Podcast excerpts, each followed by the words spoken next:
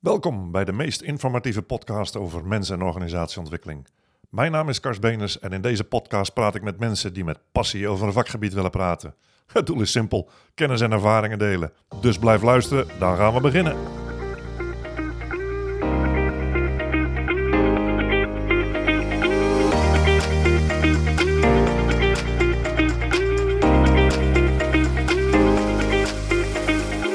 Zo, deze keer een iets andere podcast dan normaal. Want ik wil eigenlijk deze aflevering gebruiken om drie dingen te doen. Gewoon even bijpraten over wat er tot nu toe allemaal voorbij is gekomen in de afgelopen vijf afleveringen. En ook het hele proces, hoe dat nu loopt. Ik kwam een ontzettende, nou vind ik, interessante documentaire tegen op Netflix. Daar wil ik het heel kort even over hebben. Er zitten een paar elementen in die gewoon volgens mij wel heel erg herkenbaar zijn en toepasbaar. En we hebben een hele mooie planning gemaakt voor volgend jaar. Dus daar wil ik jullie nu alvast in meenemen. En ook meteen de uitnodiging om als je in een van die onderwerpen je plek weet, dan nodig je zelf uit en dan kunnen we kijken of we daar een mooie podcast van kunnen maken. We gaan namelijk iedere maand een thema doen, maar daarover straks meer. Tot nu toe, hoe gaat ie? Ik vind het eigenlijk wel heel erg goed. Maar wat vind ik vooral goed? Het is heel erg leuk om te doen. Dat was natuurlijk een beetje mijn, uh, mijn persoonlijke uitdaging. Om vooral ook te gaan kijken van, nou ja, waar krijg je nou echt energie van? En ik merk gewoon dat ik van zo'n podcast maken over een onderwerp waar ik 25 jaar in bezig ben geweest. Dat maakt het natuurlijk al sowieso heel erg gaaf. En de onderwerpen, het vliegt nog een beetje alle kanten op. Dus daarom ook de structuur voor volgend jaar een beetje proberen te zoeken. Maar dat maakt het eigenlijk ook wel weer leuk. Maar ik ben ook wel heel nieuwsgierig hoe de luisteraar daarop reageert. We zijn eigenlijk begonnen met Vincent, trainingsacteur. Vincent is natuurlijk een hele goede collega en vriend van me. Die ken ik al meer dan 15 jaar. En Vincent, dat heeft mij wel geholpen in het proces. Is natuurlijk ook wel gewoon een hele makkelijke prater voor microfoons. Want het is dan ook een deel van zijn vak geweest. Hij is acteur, camera's op zijn neus, microfoon ervoor. En dat gaat wel. Maar dan merk ik ook wel dat zo'n podcast maken dan ook wel gewoon nou, heel prettig en makkelijk gaat. Dus ik zat even volledig in de comfortzone. En Vincent heeft daar heel goed in geholpen. Daar ben ik hem echt dankbaar voor. Tweede was Erik Jan, innovatiedirecteur van een behoorlijke grote onderneming. Daarin merkte ik meteen al van, oh ja, nu komen we echt al op heel veel praktijkervaringen en tips en, en dat soort zaken meer. Dus daarin zie je ook hoe je een,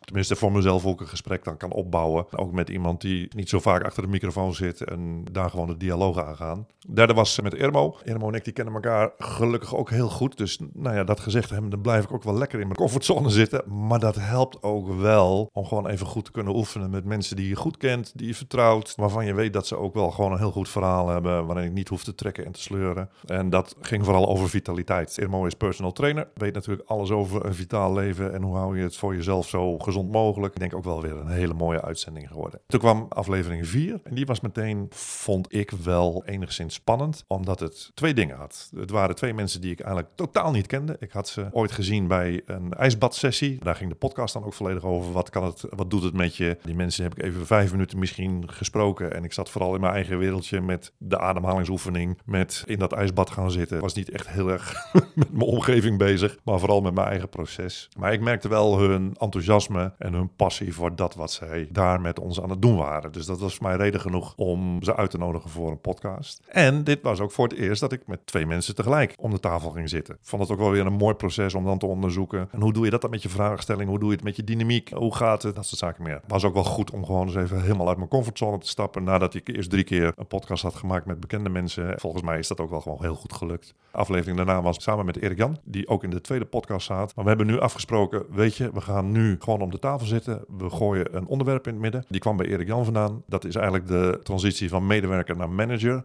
Hoe verloopt dat proces? En we hebben gekeken naar hoe hij dat ervaart vanuit zijn positie, dus vanuit leidinggevende. Wij, dus vanuit ons trainingsbureau, zijn vooral bezig om medewerkers op te leiden tot manager, maar ook managers naar een hoger niveau te tillen en dat soort zaken meer. Dat is weer een nieuwe vorm van de podcast die ik wilde proberen om gewoon met elkaar echt in gesprek te gaan. In plaats van dat ik de vragen stel en dat andere antwoorden geef. Zo zie je dat er een aardige range van onderwerpen voorbij is gekomen. Dat ik lekker aan het experimenteren ben geweest. En dat ik het nog steeds heel erg leuk vind. Dus dat is denk ik wel volgens mij het belangrijkste belangrijkste waar het over gaat. Dus allemaal dat gezegd hebbende, wilde ik natuurlijk door podcast maken. En dan loop je opeens tegen het fenomeen griepepidemie aan. En dan heb je allemaal mensen uitgenodigd en die zijn dan ziek en die kunnen dan niet. En dan is de agenda net te vol. Dus dat is eigenlijk een beetje de reden waarom ik nu ook even voor deze tussenvorm gekozen heb. Om jullie even bij te praten. Maar ik zat op een gegeven moment te Netflixen En ik kwam daar een hele gave documentaire tegen. Stuts. S-T-U-T-Z. Dus als je dat uh, even zoekt op Netflix. En dat gaat eigenlijk over een acteur die een therapeut nodig heeft, een psycholoog nodig heeft, om een aantal persoonlijke thema's van hem te onderzoeken.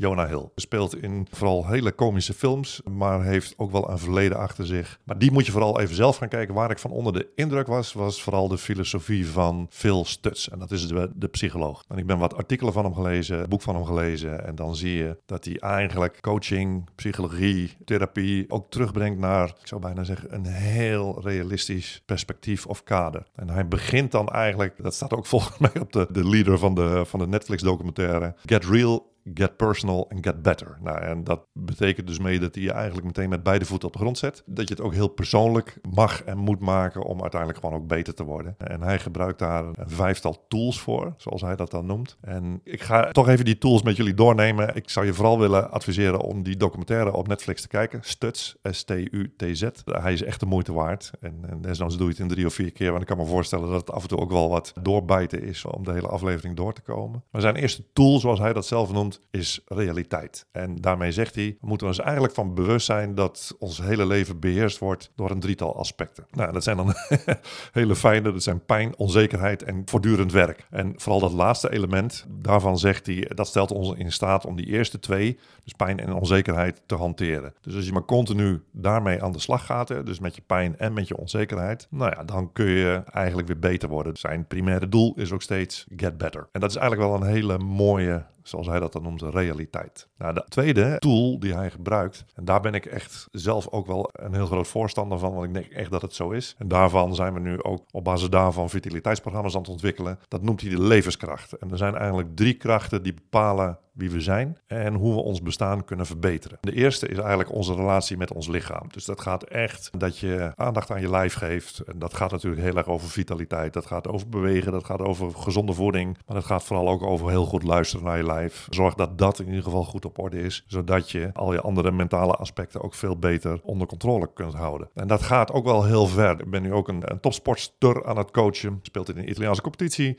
Kijk, de topsporter die zorgt gemiddeld wel goed voor zijn of haar lijf. Dat is gewoon wat het is. Maar je ziet ook dat op het moment dat je dat enigszins vergeet, dat de prestaties ook omlaag kunnen gaan. Dus dat is een hele belangrijke. De tweede is onze relatie met andere mensen. Dus dat is eigenlijk met je omgeving. Wat je heel veel ziet, maar dat zie je in organisaties, dat zie je misschien in familiedynamieken en opstellingen. Daar blijft het af en toe gewoon wel wat achter. Maar dan zie je dat het ook iets doet met je eigen welzijn en met je eigen welbevinden. En de laatste is eigenlijk, zoals hij dat dan zegt, de relatie met onszelf. En hij geeft dan het hele mooie voorbeeld dat we heel snel in allerlei grotten gaan zitten om te gaan mediteren en weet ik veel wat allemaal meer. Maar als je die eerste twee niet op orde hebt, dan doet dat helemaal niet zoveel. Dat is wel een hele interessante. Dus tool 2, levenskracht, relatie met je lijf, relatie met je omgeving en de laatste relatie met jezelf. Dus dat, dat is een hele interessante. De derde tool die hij beschrijft, en ik weet dat het redelijk monoloog is allemaal, maar ik vind het toch net te leuk en te praktisch om het even te benoemen. Het is ook allemaal te vinden op, op Google en weet ik veel wat allemaal meer. Dus kijk het rustig na is, uh, zoals hij dat noemt, deel X. En die deel X, die omschrijft eigenlijk alle donkere zones die mogelijke veranderingen voor jezelf, hè, voor je persoonlijke ontwikkeling in de weg kunnen staan. En deze zones vertegenwoordigen een soort weerstand die als nou ja, kleine schurkjes alles in de weg staan. En wat een hele handige is, is om, en ik zou bijna zeggen, pak pen en papier en teken even het meest simpele poppetje die je zeg maar op de lagere school ook uh, zou tekenen. En dat ben je dan zelf, hè, dus dat, uh, dat geef je zelf dan weer. En zet dan om dat poppetje heen of in dat poppetje En die x'en, dat zijn eigenlijk die donkere zones. En probeer dan in één woord of in twee woorden te omschrijven. Wat is nou een donkere zone die jou in de weg kan staan? Dat kan bijvoorbeeld een werkdruk zijn. Dat kan een negatieve gedachte zijn. Dat kan een relatie zijn die niet lekker loopt. Dat kan een opvoeding zijn, een verhouding met een van je ouders. Om dat zo te omschrijven. Wat je dan merkt, tenminste dat heb ik gemerkt. Want ik heb het ook echt geprobeerd. En we gebruiken het ook wel in onze trainingen. Is dat je dan ook veel meer zicht krijgt op wat je eigenlijk in de weg staat. En dat je het dan ook kunt tackelen en dan er dingen uit kunt halen die je persoonlijke ontwikkeling gewoon gaan helpen. Tool 5, uh, 4 is de, zoals hij dat dan noemt, de parelketting. Dat is een beetje de meest open deur die je maar in kunt trappen, zeg maar. Hij omschrijft het dat je het leven kunt zien als een ketting van verschillende stenen. En elke steen is een actie in je leven. Het kan een live event zijn, kan gewoon een actie zijn, kan een loopbaanverandering zijn. En het zijn de taken en activiteiten eigenlijk die we gewoon dagelijks uitvoeren. En sommige hebben, zoals Stuts dat dat noemt, donkere en onvolmaakte kanten. Maar we kunnen de volgende altijd volmaakter en mooier maken. Dus het is ook een beetje onderzoeken van wat heb ik gedaan, wat heb ik ervan geleerd en welke fout hoef ik in nou ja, de volgende actie die ik maak dan niet meer te maken, omdat ik geleerd heb van die vorige. En de vijfde tool is, dat vind ik echt een mooie uitspraak, het koninkrijk van de illusie. En volgens Stuts richten we ons allemaal op het bereiken van perfectie. Bijvoorbeeld perfecte banen, perfecte partners, perfect dit, perfect dat, dus alles moet perfect zijn. Maar dit brengt ons eigenlijk meestal onderaan de streep het meeste lijden, zoals hij dat dan noemt. Dus de vraag is, hoeveel perfectie wil je nastreven als je dan zo uit balans raakt dat die perfectie er eigenlijk gewoon helemaal niet gaat komen? Nou, dit zijn de vijf tools van, uh, van Stuts. Nogmaals, Netflix, ga absoluut die documentaire kijken. Hij is hartstikke de moeite waard. Het is heel erg leuk om uh, ook deze thema's te voorbij zien te komen. Er zit boordevol met tips die je volgens mij ook direct kunt toepassen voor je eigen persoonlijke ontwikkeling. Dus die wilde ik toch even met jullie delen. Dat gezegd hebbende, wat ik al zei, we zijn een beetje aan het experimenteren en aan het oefenen geweest met onze podcast. En na wat brainstorming hier zo, hebben we eigenlijk bedacht van we moeten volgend jaar, dus 2024, gaan opdelen in themamaanden. Dus elke maand krijgt een eigen thema. En in die maand gaan we mensen uitnodigen die op dat thema daarover kunnen en willen praten. En daar met passie wat van vinden. Ik ga ze gewoon even heel snel met jullie door. En we gaan ze nog wel op website en weet ik veel wat allemaal plaatsen. En we zullen het ook wel van tevoren aankondigen wat het dan gaat worden. Uh, januari is de maand van de vitaliteit.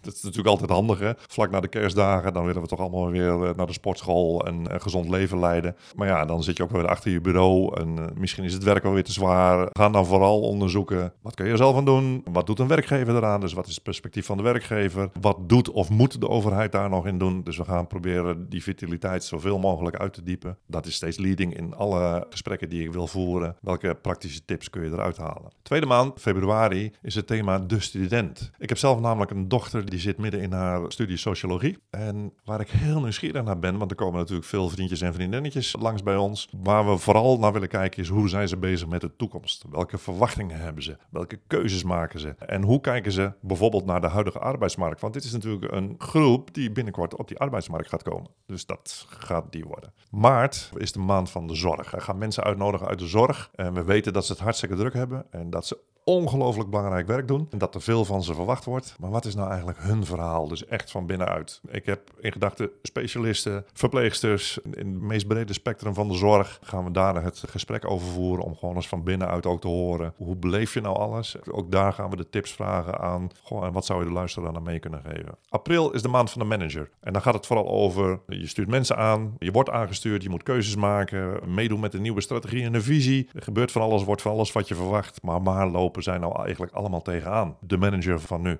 Mei is de maand van de medewerker en eigenlijk ook weer dezelfde vragen. Hoe kijken zij bijvoorbeeld naar hun organisatie? Hoe kijken ze naar hun leidinggevende? Hoe kijken ze naar collega? En wat nou als je je baan niet meer zo heel leuk vindt, waar maak je dan keuzes op? Of juist als je het heel leuk vindt, wat doe je dan? Dus er is ook heel veel over door te vragen en uit te vinden en dat gaan we dan in mei doen. Juni is de maand van de inclusiviteit. Inclusiviteit is het creëren van een omgeving waarin alle individuen zich welkom en gewaardeerd voelen en gelijke kansen krijgen. En inclusiviteit gaat over het omgaan met verschillen en overeenkomsten. Dus zonder uitsluiting of discriminatie. Inclusiviteit is belangrijk voor het succes van een gemeenschap of een organisatie. Vooral omdat het zorgt voor een effectieve samenwerking en empowerment. Dat zijn allemaal hartstikke leuke kreten. En hoe werkt het in de praktijk? Dus ik wil zoveel mogelijk op zoek gaan naar mensen die daarmee te maken hebben, in welke vorm dan ook. Dit gaat volgens mij een hele boeiende maand worden.